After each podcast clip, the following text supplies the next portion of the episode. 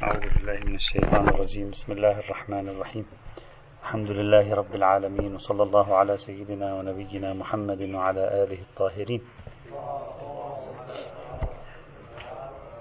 كنا نتكلم في وسائل وطرق الكشف عن مذاق الشرع وروح الشريعة. قلنا الطريق أو الوسيلة الأولى هو عبارة عن المنهج الاستقرائي الذي ذكرنا بعض عباراته المتعددة الأخرى في كتب الفقهاء أيضا وقلنا بأن في الختام بأن المنهج الاستقرائي يجب فيما بعد في في بحث المذاق أن نقارنه بموضوع القياس وإشكالية عدم التناظر والتشابه في بنية الشريعة وما شابه ذلك. الطريق الثاني أو الأسلوب الثاني أو المنهج الثاني من وسائل اكتشاف مذاق الشريعة أو الوصول إلى مذاق الشريعة بحسب ما يظهر من كلماتهم هو استنتاج المذاق من خلال الأولوية. استنتاج المذاق من خلال الأولوية. المقصود بذلك أن الفقيه يلاحظ موردا أو موردين أو ثلاثة موارد حسب ما يتوفر له وتكون هذه الموارد الشريعة متشددة فيها نسبيا ولكن هذه الموارد حجمها صغير. فيقوم الفقيه باستنباط أن الشريعة في ما هو أكبر منها حجما مزاجها الرفض وليس مزاجها التأييد أو مزاجها الإلزام وليس مزاجها الترخيص. المثال الذي رأيته هنا هو مثال السيد الخوي السيد الخوي هم أيضا في بحث شروط المرجع لما تكلم عن شرط العدالة وشرط طهارة المولد وشرط الذكورة وغير ذلك من الشروط. جعل من الأدلة أننا نلاحظ أن الشريعة مزاجها مزاج جعل المرأة في البيت وما شابه ذلك. هناك استخدم عبارة يمكن أيضا أن تنفعنا نظريا في هذا الموضوع. قال قد استفدنا من مذاق الشارع أن الوظيفة المرغوبة من النساء إنما هي التحجب والتستر. إلى أن يقول كيف؟ ولم يرضى بإمامتها للرجال في صلاة الجماعة. فما ظنك بكونها قائمة بأمورهم ومديرة لشؤون المجتمع ومتصدية للزعامة الكبرى للمسلمين؟ هذه عبارة. يمكن قل لعل سيد الخو استفاد مذاق الشرع هنا تارة من الاستقراء من جهة وأخرى من الأولوية من جهة أخرى. يعني قال هذا الشارع الذي في الأمور الجزئية الصغيرة مزاجه التشدد في تصدي المرأة فنحن بالأولوية نعرف أن مزاجه في الأمور العامة هو التشدد في تصدي النساء. هنا لا نريد أن نستخدم الأولوية لإثبات حكم شرعي واحد. بل نريد أن نستخدم الأولوية لإثبات مزاج يطال كل القضايا الكبرى المتصلة بالمجتمع. يشمل الإفتاء يشمل القضاء يشمل الإمارة يشمل إمامة المسلمين يشمل التصدي لشؤون البلديات لمجلس الشورى إلى آخره. فنحن أخذنا مزاجا في القضايا الكلية العامة. قلنا مزاج الشرع في القضايا الكلية العامة مزاج يرفض تدخل المرأة فيها. واستكشفنا هذا المزاج من خلال موقفه من قضايا جزئية أصغر بكثير من هذه. رأيناه يتشدد في تدخل المرأة فيها مثل إمامة الجماعة. فإذا كان مزاجه هنا يرفض تدخل المرأة فبالتأكيد نستنبط مزاجا في الشؤون العامة يرفض تدخل المرأة أيضا. فنحن هنا بالأولوية من أحكام محدودة محدودة الحجم نستنبط مزاجا أو مذاقا شرعيا في مجموعة من الأحكام أكبر حجما من تلك الأحكام. فالأولوية هنا لا تثبت حكما بل تثبت مزاجا يعطي أحكاما. هذا الفرق الذي يجعلنا نضع الأولوية هنا في إطار هذا الاستكشاف. أيضا يوجد مثال آخر. رأينا أن السيد الخوي أيضا بنفسه يستخدم فكرة المذاق ويقحم معها فكرة الأولوية. في عندنا بحث في كتاب الصيام يقول إذا شخص أفطر على حرام بشكل غير شرعي أفطر على حرام آه، المعروف بينهم أن الكفارة كفارة جمع. هذا هو المشهور المتداول. طيب إذا كانت الكفارة كفارة جمع واحدة من الكفارات الثلاث ليست متوفرة. مثل زماننا هذا لا يتوفر مثلا العتق. فهل تسقط الكفارة؟ هناك من قال ممكن تسقط الكفارة عنه. لماذا؟ لأن المفروض أن الكفارة أخذت بلحاظها المجموعي ترابطيا. فإذا سقط جزء منها سقطت. وقاعدة الميسور لا يسقط بالمعسور غير ثابتة عند بعضهم على الأقل. فإذا واحد قال ترابطية خصال الكفارة في كفارة الجمع. اثنين قاعدة الميسور لا يسقط بالمعسور غير ثابتة عندي. نتيجة أن كفارة الجمع في زماننا يجب أن تسقط. هكذا المفروض. سيد الخوئي هنا يعلق على هذه الفكرة. يطرح هذه الفكرة ويعلق عليها. لاحظوا تعليق السيد الخوئي في المقام. قال يندفع بأن لا نحتمل من مذاق الشرع سقوط الكفارة في المقام. كيف لا تحتمل؟ من وين, من وين لا تحتمل؟ يعني من المشكلة كيف؟ الآن لاحظ يعني من خلال طريقة الاستدلال نستكشف أنه أخذ المذاق من الأولوية. كيف؟ ولازمه. يعني يلزم من ذلك أن يكون الإفطار على الحرام أهون من الإفطار على الحلال. يعني اليوم الإفطار على الحرام يصبح أسهل ما عليك كفارة. والإفطار على الحلال عليك كفارة واحدة من ثلاثة وهذا غير معقول. إذا هذا مخالف لمذاق الشارع. كيف؟ يعني كأنما يقرب المخالفة لمذاق الشارع. كيف ولازمه كون الإفطار على حرام؟ أسهل من الإفطار على الحلال. وهذا غريب. فنستنبط من ذلك أن مذاق الشارع في هذه المسألة عدم سقوط كفارة الجمع بخصالها الثلاث. يعني لاحظ تركيب استدلال السيد الخوئي تركيب قائم على الأولوية أيضا استنتاج المذاق من خلال مقارنات مع أشياء أخر واستنتاج الأولوية هنا من تلك الأشياء الأخرى. لذلك يقول كيف ولازمه أن يكون الإفطار على الحرام أهون من الإفطار على الحلال لثبوت الكفارة في الثاني؟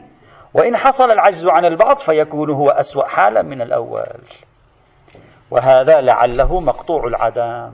هذا طريق إذا الطريق الثاني لاستنتاج المذاق. أن نرصد الشريعة في قضايا أقل أولوية فنلاحظ اهتمامها الشديد أو رفضها الشديد. فبقياس الأولوية نعرف أن مجموعة القضايا الأكثر أولوية من هذه معا مذاق الشريعة فيها الرفض. فنستنبط من المذاق عدة أحكام.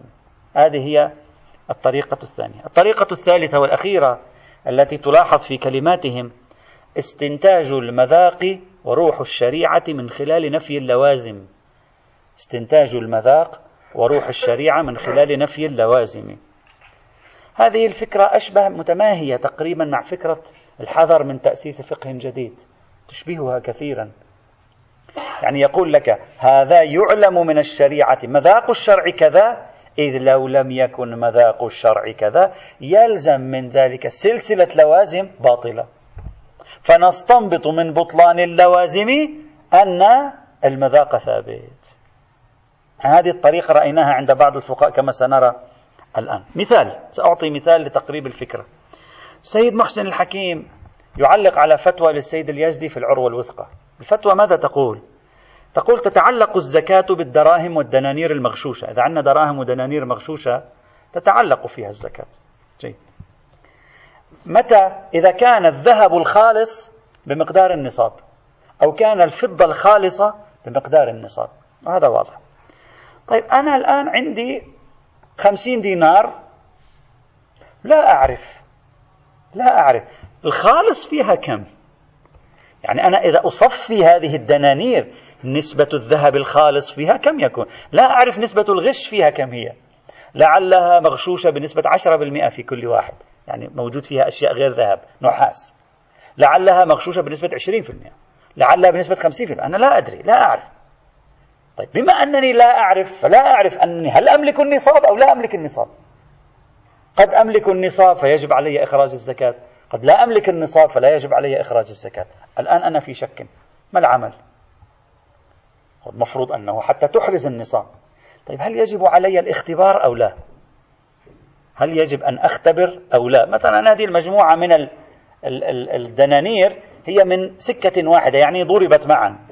فأنا مثلا أخذ أربعة خمسة منها بشكل عشوائي ثم أذوبها فأكتشف فيها كم هو كم هي النسبة الخالصة من الذهب. هل يجب علي ذلك لأعرف هل أنا واجب علي أو لا؟ وأنت الآن ستقول لي لا يجب عليك لأنك تشك هل عندك نصاب أو لا. الأصل العدم فلا يجب. سيد الحكيم يقول لا. سيد الحكيم لاحظ ماذا يقول.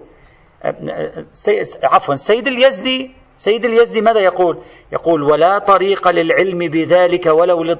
يقول وفي وجوب التصفية ونحوها للاختبار إشكال أحوطه ذلك وإن كان عدمه لا يخلو من قوة. هذه فتوى سيد اليزدي يعني الأحوط استحبابا أن تصفيها لتعرف إذا أنت عندك نصاب أو لا. أحوط استحبابا. فلا يجب عليك الزكاة إلا أن تعلم سيد الحكيم لا يقبل بهذا. ماذا يقول؟ يقول لماذا احتاط واستشكل صاحب العروة؟ يقول ينشأ هذا الاحتياط مما ذكرنا من الأصول في صورة عدم إمكان الاختبار ومن أن البناء عليه يعني لو قلنا لا يجب الاختبار يوجب المخالفة الكثيرة بحيث يعلم من مذاق الشارع كراهة حصولها بنحو يستكشف منه إيجاب الاحتياط السيد الحكيم يوجب الاحتياط يقول إذا كل واحد نقول له لا يجب عليك إلا أن تعلم هو كثير من الموارد ربما كثير من الناس يكون عندهم مقدار الزكاة ولا يخرجونها. وهذا تفويت للتكاليف الواقعية. ونعلم من مذاق الشارع أنه لا يرضى. إذا من اللازم نستكشف الحكمة طبعا المحقق النجفي قبل صاحب المستمسك التفت إلى هذه المسألة. محقق النجف أصلا عنده إشكال في أنه هل يجب علينا الفحص لمعرفة أن شرط الوجوب متحقق عندنا أو لا؟ في كل شيء ليس فقط في الزكاة مطلقا. هل أنا يجب علي أن أفحص إذا أنا مستطيع للحج أو لا؟ هل يجب علي أن أفحص إذا أنا مثلا يجب علي الأمر الفلاني أو لا؟ يعني شرط الوجوب متحقق عندي أو لا؟ هل يجب أن أفحص؟ فلان لا أعرف هل هو أخي أو لا أشك. هل يجب علي أن أفحص لأعرف أنني يجب علي صلة الرحم معه أو لا؟ مثلا. صاحب الجواهر يقول إذا كان لا يجب الفحص يلزم من ذلك مخالفات كثيرة. يعني يلزم من ذلك الكثير من الم... يعني كثير من الموارد بسبب عدم الفحص. الناس تقول شرط الوجوب لم يتحقق يتركون الأمر يقعون في مخالفة الوجوبات الواقعية. فكثير من الوجوبات سوف تسقط حينئذ. فنعلم أن مذاق الشارع في مثل هذا المورد على وجوب الفحص. إذا كيف استنتجنا المذاق الشرعي؟ استنتجنا من أننا لو لم نقل بالوجوب هنا للزمت لوازم نعلم من الشارع أنها مرفوضة فنعرف أن مزاجه هو الإفتاء بالوجوب أو على الأقل الإفتاء بالاحتياط في مثل هذا المورد. وهذا من الطرق التي استخدموها. يوجد طريق آخر أيضا أو مثال آخر ذكره السيد الخميني رحمة الله تعالى عليه في بحث خيار الغبن. في بحث خيار الغبن عندهم كلام. طيب الغبن ما هو؟ تفاوت بين القيمة السوقية والقيمة الواقعية والقيمة المعينة المسمات القيمة السوقية لهذا القلم مثلا عبارة عن 100 دينار مثلا. فأنت تبيعني إياه بمئة ودينار. هذا تفاوت بين القيمة السوقية والقيمة المسمات ثمن المسمى يعني. طيب. هل كل تفاوت بين القيمة السوقية والثمن المسمى يوجب خيار الغبن؟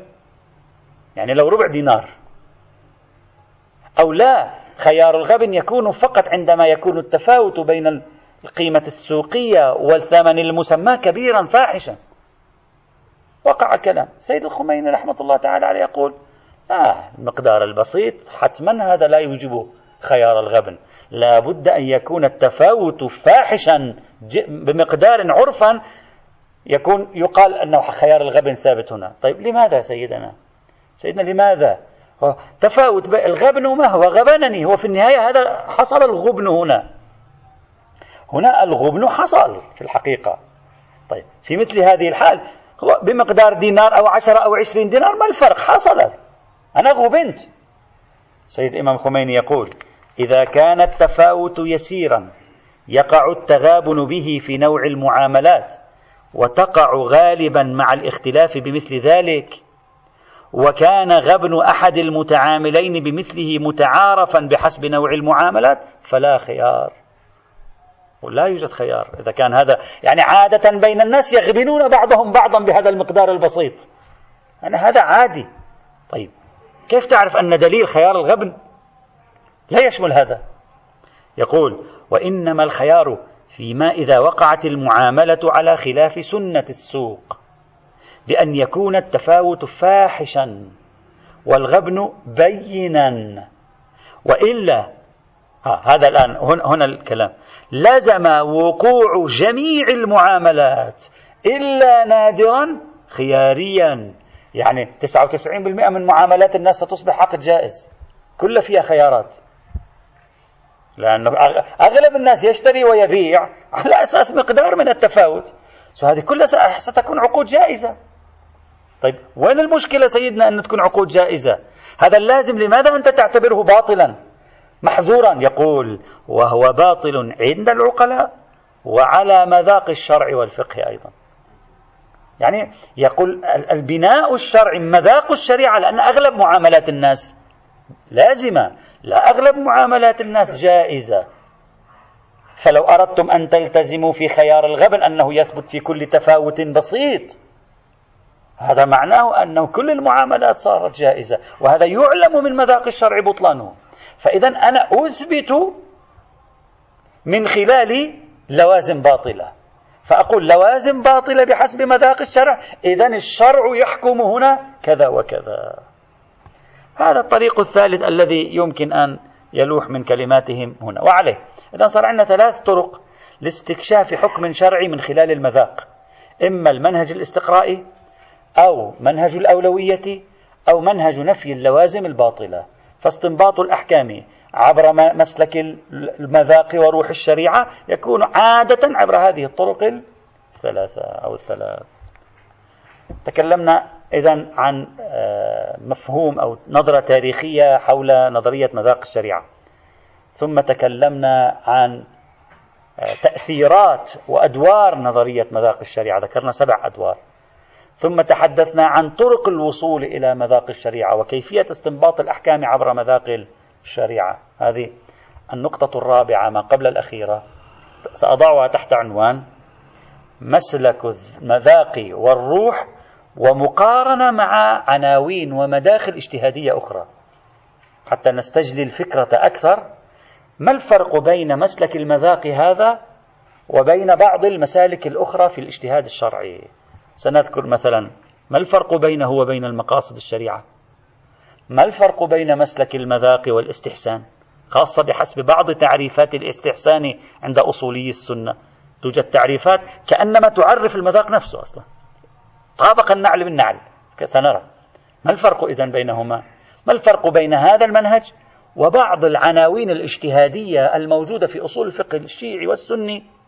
حتى نفرق لنرى هل هذا شيء جديد متمايز مختلف أو هو ليس إلا شيء يندرج تحت مناهج أخرى تم تقريرها وبحثها في أماكن أخرى في أصول الفقه الإسلامي. مسلك المذاق والروح مقارنات مع مداخل اجتهادية أخرى. أول تطبيق هنا مقارنة بين مسلك المذاق الشرعي ونظرية مقاصد الشريعة. ما الفرق بين الاثنين؟ قد واحد يقول هذا معناه أنت يعني معناه أن الفقه الإمامي دخل في نظرية مقاصد الشريعة. المذاق هو هذا نظرية مقاصد الشريعة. هل هذا صحيح أو لا؟ من الواضح لا شك ولا ريب ثمة تقارب تقارب تلاقي بين مسلك المذاق ومسلك مقاصد الشريعة نظرية مقاصد الشريعة. مثلا هناك تقارب في المنهج. الاستقراء يعد من أساسيات منهج المقاصد كما قلنا سابقا. الاستقراء يعد من أساسيات منهج مذاق الشريعة كما رأينا بالأمس. هذه نقطة التقاء في المنهج. هذه واضحة. أيضا لاحظنا أن الفقهاء في بحث المذاق يلاحظون في بعض الأحيان على الأقل الملاكات المصالح التزاحمات الملاكية كما رأينا. يقول وهذا ليس إلا لأجل أمس أعطينا عدة أمثلة من الإمام الخميني والمحقق العراقي وغيرهم في موضوع التزاحمات الملاكية. إذا هذا معناه داخل في موضوع الملاك ويلامس موضوع الملاكات. إذا واضح أن بحث المذاق أحيانا يلتقي مع قضايا معرفة الملاك ملامسة الملاك. واضح أيضا أن بحث الشري... مقاصد الشريعة تلتقي مع معرفة الملاكات والغايات والأغراض. إذا هذا أيضا عنصر مشترك بينهم. لكن يوجد فارق تاريخي تدويني بينهما ويوجد فارق جوهري حقيقي بينهما. سأجعل الفارق في مرحلتين فارق تدويني تاريخي وفارق جوهري حقيقي والثاني هو الذي يهمنا في الحقيقة. أما الفارق التدوين التاريخي فهو أن مسلك المذاق لم ينظر له في أي كتاب ولم يدخل مدار علم أصول الفقه ولم يكتب حوله نظرية أصلا. معنى نظرية حوله. يعني إذا أنت بتقول لي وين نظرية مذاق الشريعة؟ أقول لك ما عندنا نظرية ما في نظرية. نحن الآن نحاول أن نصوغ شكليا نظرية. كل ما موجود عندنا تطبيقات مبعثرة. نحن نحاول نلملم لنصنع منها شيئا. نظرية ما عندنا. ولذلك هذا العنوان ما موجود في أصول الفقه لا السني ولا الشيعي. ليست شيء مدون. تاريخيا لا توجد نظرية اسمها نظرية مذاق الشريعة. يوجد تطبيق لشيء مركوز في أذهانهم اسمه تطبيق مذاق الشريعة. أما نظرية باسم نظرية مذاق الشريعة ما عندنا. الحق والإنصاف. أما نظرية مقاصد الشريعة فهذه واضحة. كنظرية لا فقط كتطبيق واضحة في الحد الأدنى منذ القرن الخامس الهجري مع الجويني وتلميذه الغزالي. كما شرحنا ذلك في العام الماضي في التطور التاريخي لنظرية المقاصد. فهذا فرق واضح. نظرية لها أسسها لها بنيتها التحتية لها نتكلم عن نتائجها تكلموا عن إشكالياتها تكلموا عن دورها. صنعوا منها نظرية لا توافق عليها لا توافق عليها واحد آخر. لكن تاريخيا تدوينيا يوجد نظرية في بطن أصول الفقه اسمها نظرية مقاصد الشريعة. أما في المذاق الشرعي روح الشريعة نظرية ما عندنا نحن. لا نحن ولا أهل السنة. شيء من هذا القبيل لا وجود له. إذا هذا أول فارق لكنه فارق شكلي. يعني فارق على مستوى التدوين والتاريخ.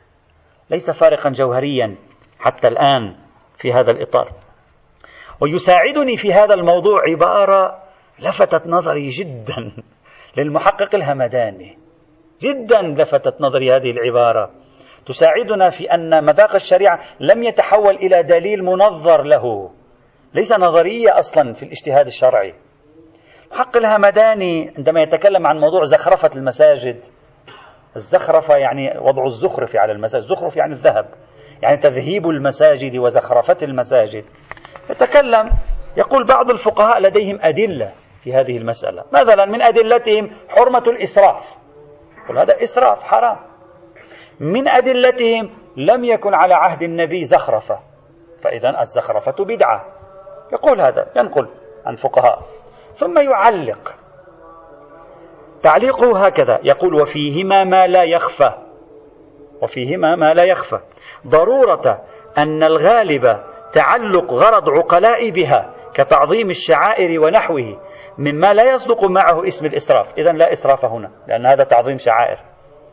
وكأنه يقول لا إسراف في تعظيم الشعائر. هذا أول واحد رده. ثانيا أيضا وعدم حرمة البدعة بمعناها اللغوي الصادق على جميع الأشياء المستحدثة بعد النبي. وليس كل شيء لم يكن في زمن النبي الآن هو حرام بدعة سيارات بدعة. طيب.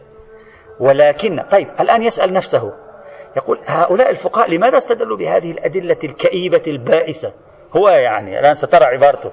لماذا استدلوا بهذه الأدلة الكئيبة البائسة؟ يقول ولكن اعتماد مثل المصنف على هذه الأدلة التي لا يخفى قصورها على من دونهم بمراتب يعني الأصغر منهم بكثير واضح هذه باطلة.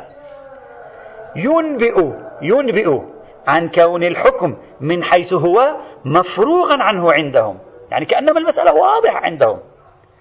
إما من جاءهم هذا الوضوح وضوح حرمة التذهيب إما لاستنباطه من مذاق الشرع في بناء المساجد المطلوب فيها أن يكون عريشا كعريش موسى عليه السلام المسجد الذي بناه موسى في, في التيه. وهذا موجود في الكتب أهل, الكتاب أيضا. مسجد فقير مسكين مسجد سيار كان.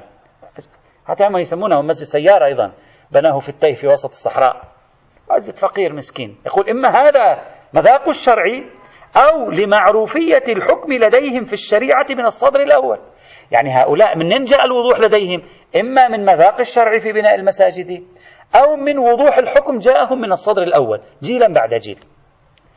طيب الآن السؤال لماذا ذكروا هذا الدليل؟ مع وضوح الحكم عندهم. قال ولكنهم تشبثوا بمثل هذه الأدلة في مقام الاستدلال يعني الإسراف والبدعة. لماذا؟ حفظا للموازين. يعني يريد أن يقول بالنهاية هذا الفقيه لا يستطيع أن يقول لك مذاق الشريعة. هذا ليس دليل. لا بد يقدمه على على صيغة دليل. الموازين مقصود موازين موازين الاستدلال. يريد أن يقدمه على صيغة ميزان استدلالي. مذاق الشريعة وتلقيناه. شو يعني ماذا هذا؟ يقول هذا ليس ميزان استدلالي. إذا منه يكتشف في ذهن المحقق الهمداني أن مثل مذاق الشريعة ولو كان صحيحا في نفسه لكنه لا يسمى استدلالا. وهذا يدل على أنه لم يوجد نظرية اسمها مذاق الشريعة. تمثل منهجا استدلاليا منطقيا يمكن للفقيه أن أن يفعله. وإنما تمثل قطعا ذاتيا عند الفقيه قطعا باطنيا عند الفقيه. يمشي على أساس قطعه لا أكثر ولا أقل. هذه العبارة جدا ملفتة. الاستعاضة عن استخدام كلمة مذاق الشرع بكلمة الإسراف والبدعة ليس إلا لأنه يريد أن يقدم دليل. وهذا يكشف عن أن مذاق الشرع ليس بدليل. ومعنى أنه ليس بدليل معنى ما في عندنا نظرية استدلالية في اسمها مذاق الشرع.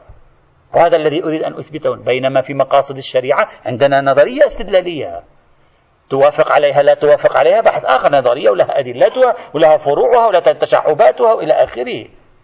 هذا فرق تدويني تاريخي آه، تصوري بين نظرية مذاق الشريعة ونظرية لا ما عنده مشكلة يقول أعترف به لكن هذا يمثل جانب ذاتي تجربة شخصية ما لا.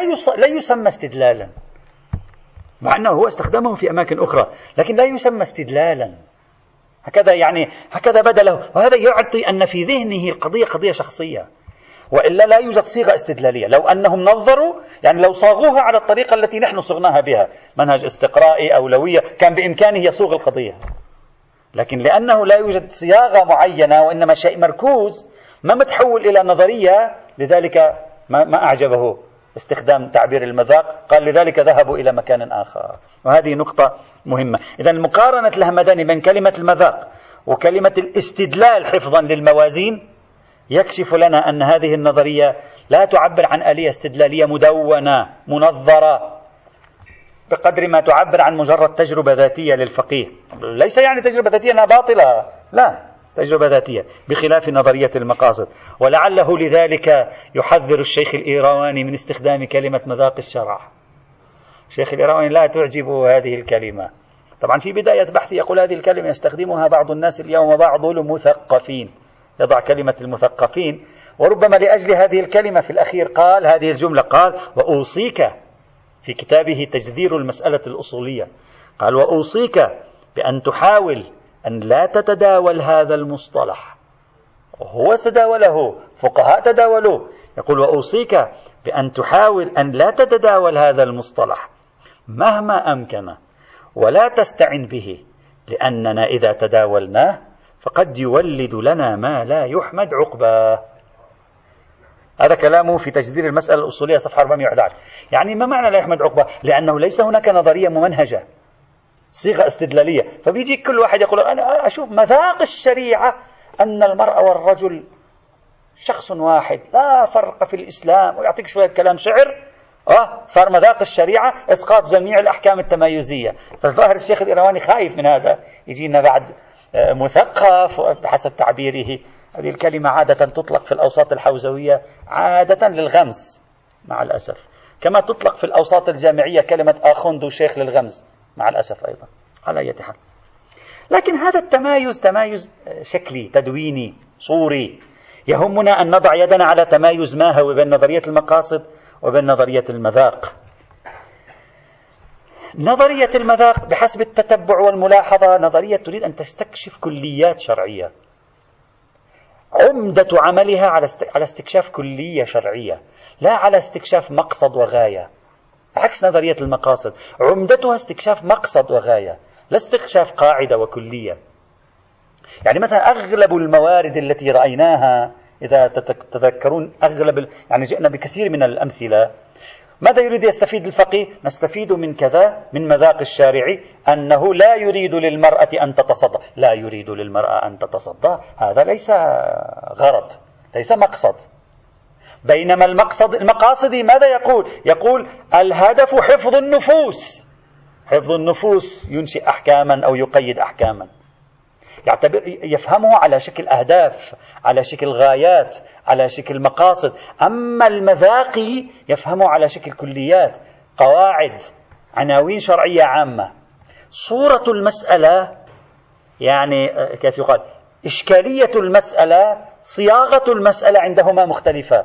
هذا يريد بالمذاق استنتاج كليات شرعية. تطبق على جزئيات. ذاك يريد بالمذاق استنتاج الغايات والأغراض والملاكات. ومنها يرجع إلى الأحكام الشرعية ويتدخل بها تقييدا وتضييقا وتوسعة وتحويرا وما شابه ذلك. إذا فكرة المذاق تستعمل أدواتها للحصول على قانون شرعي كلي بينما نظرية المقاصد نلاحظ أن الفقيه فيها ينظر في غايات التشريع في مآلات نظرية المآل في مآلات التشريع التفكير الغائي عنده مثل الضروريات الخمس حفظ النفس وحفظ المال وحفظ العرض إلى آخره. تكلمنا عنها سابقا. بالنظر في التفكير الغائي يربط التشريع بغايته فيجعل التشريع سبيلا للغاية فيغير من التشريع بما يخدم الغاية. أما هذا هذه الذهنية قليل ما تجدها موجودة في فكرة المذاق. قد تجدها أحيانا تتلاقى لكن المسار مختلف ما بين نظرية المذاق وبين نظرية مقاصد الشريعة. فإذا لا نستطيع أن نقول الفقهاء الذين ذهبوا إلى فكرة المذاق وروح الشريعة بالضرورة هم مقاصديون. أو نحن بدأنا مرحلة مقاصدية جديدة. لا. نعم بدأنا مرحلة تخطي عن حرفية النص. استنباط حكم ولو لم يكن هناك نص بعينه. هذا صحيح. لكن هذا شيء والدخول في صلب ولب لباب نظرية المقاصد شيء آخر. فبين النظريتين تداخل جزئي وتباين في التاريخ والتدوين والمنهاج. اللطيف الشيخ الإيرواني هنا أيضا لا بأس الشيخ الإيرواني عنده نكتة لطيفة هنا. يعتبر أن من العبارات التي هي مرادفة لفكرة مذاق الشريعة مقاصد الشريعة. وهذا غير دقيق هو طبعا في فقرة صغيرة يقول ومن هذه العبارة يعبر ليس دقيق هذا الكلام. يعني أعتقد أنه يمكن أخذها بشكل كلي لكن من يدرس نظرية المقاصد الشرعية لا, لا يرى أنها هي نظرية المذاق أبدا. طيب. ثم يقول ومن تعابيرها تعابير الأخرى لنظرية المذاق نقد الغرض. ويعطي مثال. يقول من لما يستخدم الفقيه نقد الغرض يكون هذا مثلا مرتبط بنظرية المقاصد ونظرية المذاق أيضا. ويعطي مثال يطرحه السيد الخوئي. يقول هذا شفاها. هذا المثال سمع من السيد الخوئي شفاها. أنا سيد من بني هاشم. شخص يعطيني مالا أنا فقير. فقير هاشمي. أنت تعطيني مالا شيخنا؟ تقول لي هذه مثلا مئة دولار. فأنا ماذا أفعل؟ أخذ هذا المال أعطيه للشيخ هارون. أقول له هذا هدية مني لك. رجعت فقير. شيخ شيخ آخر هم شخص آخر هم يعطيني مالا. أم أخذ المئة الثانية أعطي لجناب الشيخ أيضا. هذا هدية ليس حقوق هدية. وهكذا. فأنا مثل تبييض أموال. عفوا من التعبير يعني أقرب الفكرة. مثل مثل حركة تبييض الأموال غسيل الأموال في العالم. هكذا يمر بعنوان وهمي اسمه عنوان بني هاشم. آخذ أنظف المال من عنوانية الهاشمية. إذا صح التعبير وليس تنظيف يعني أنا أقرب الفكرة.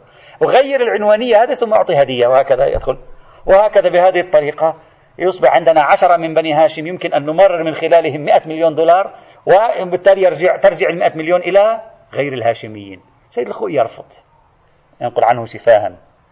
لماذا ترفض سيدنا الخوي؟ يقول هذا نقد للغرض. غرض ماذا؟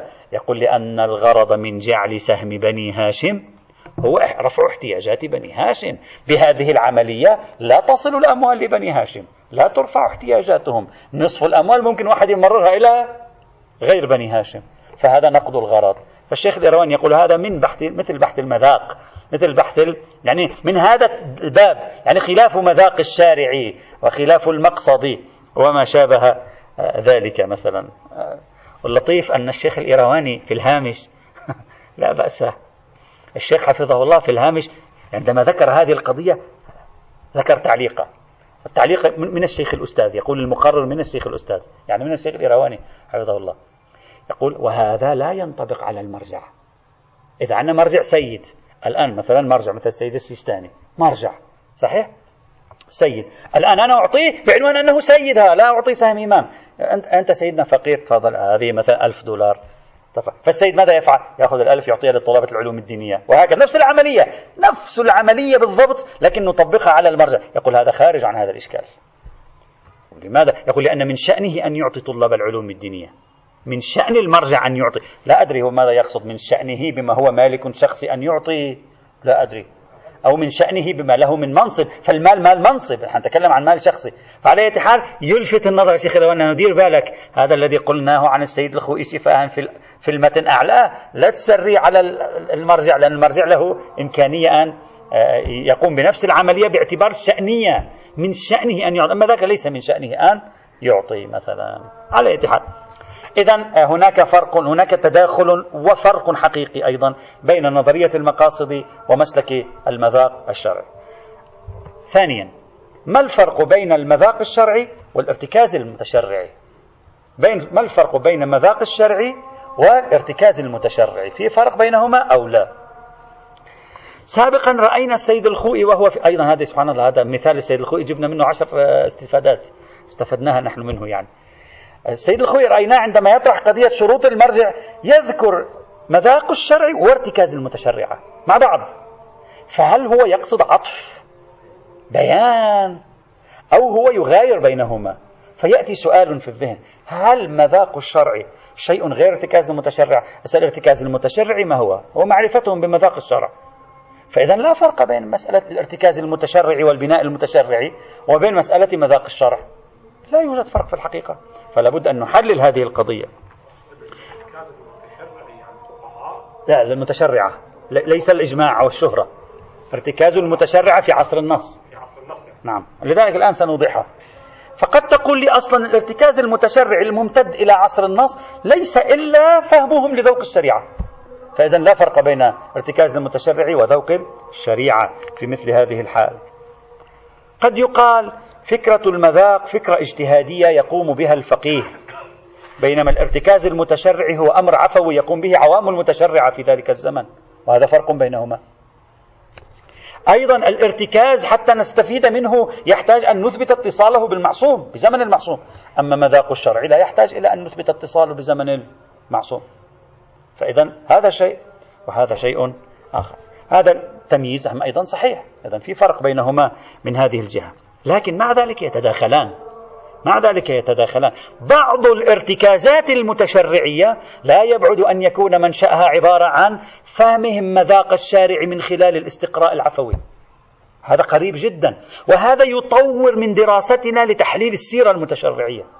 يعني أحد مناشئ السير والارتكازات المتشرعية هو ممارسة المتشرعة عملية استقراء عفوي تراكمي في زمن النص ولد عندهم استكشافا للمذاق حصل ارتكازا لكن ليس كل الارتكازات هكذا بالتأكيد. لكن بعضها يمكن أن يكون كذلك. فإذا نقطة الالتقاء بين فكرة المذاق وفكرة الارتكاز أن الارتكاز يمكن أن يكون منشأه في زمن النص أحيانا تولد المذاق الناتج عن استقراء عند جمهور المتشرعة يعني هم ولد عندهم هذا الأمر بالبداهة. نتيجة ملاحظتهم سلسلة من التشريعات فيدركون أن الإسلام مثلا متشدد في أمر المرأة فلا يقبل بأن تجلد مثلا عارية. فيحصل لديه ارتكاز عدم قبول التجريد المرأة حال إقامة الحد. فنحن يصلنا الارتكاز فنعمل بحجية الارتكاز وخلف الارتكاز مذاق كان قد تولد لديهم. إذا هذه نقطة التقاء. في هذا الإطار. لكن الارتكاز كما قلنا شيء له شروطه ومسألة المذاق شيء آخر. قد الفقيه يستنبط المذاق من ملاحظة النصوص ولا يوجد ارتكاز عند المتشرعة. قد لا نحرز ارتكازا أصلا في هذه الحال.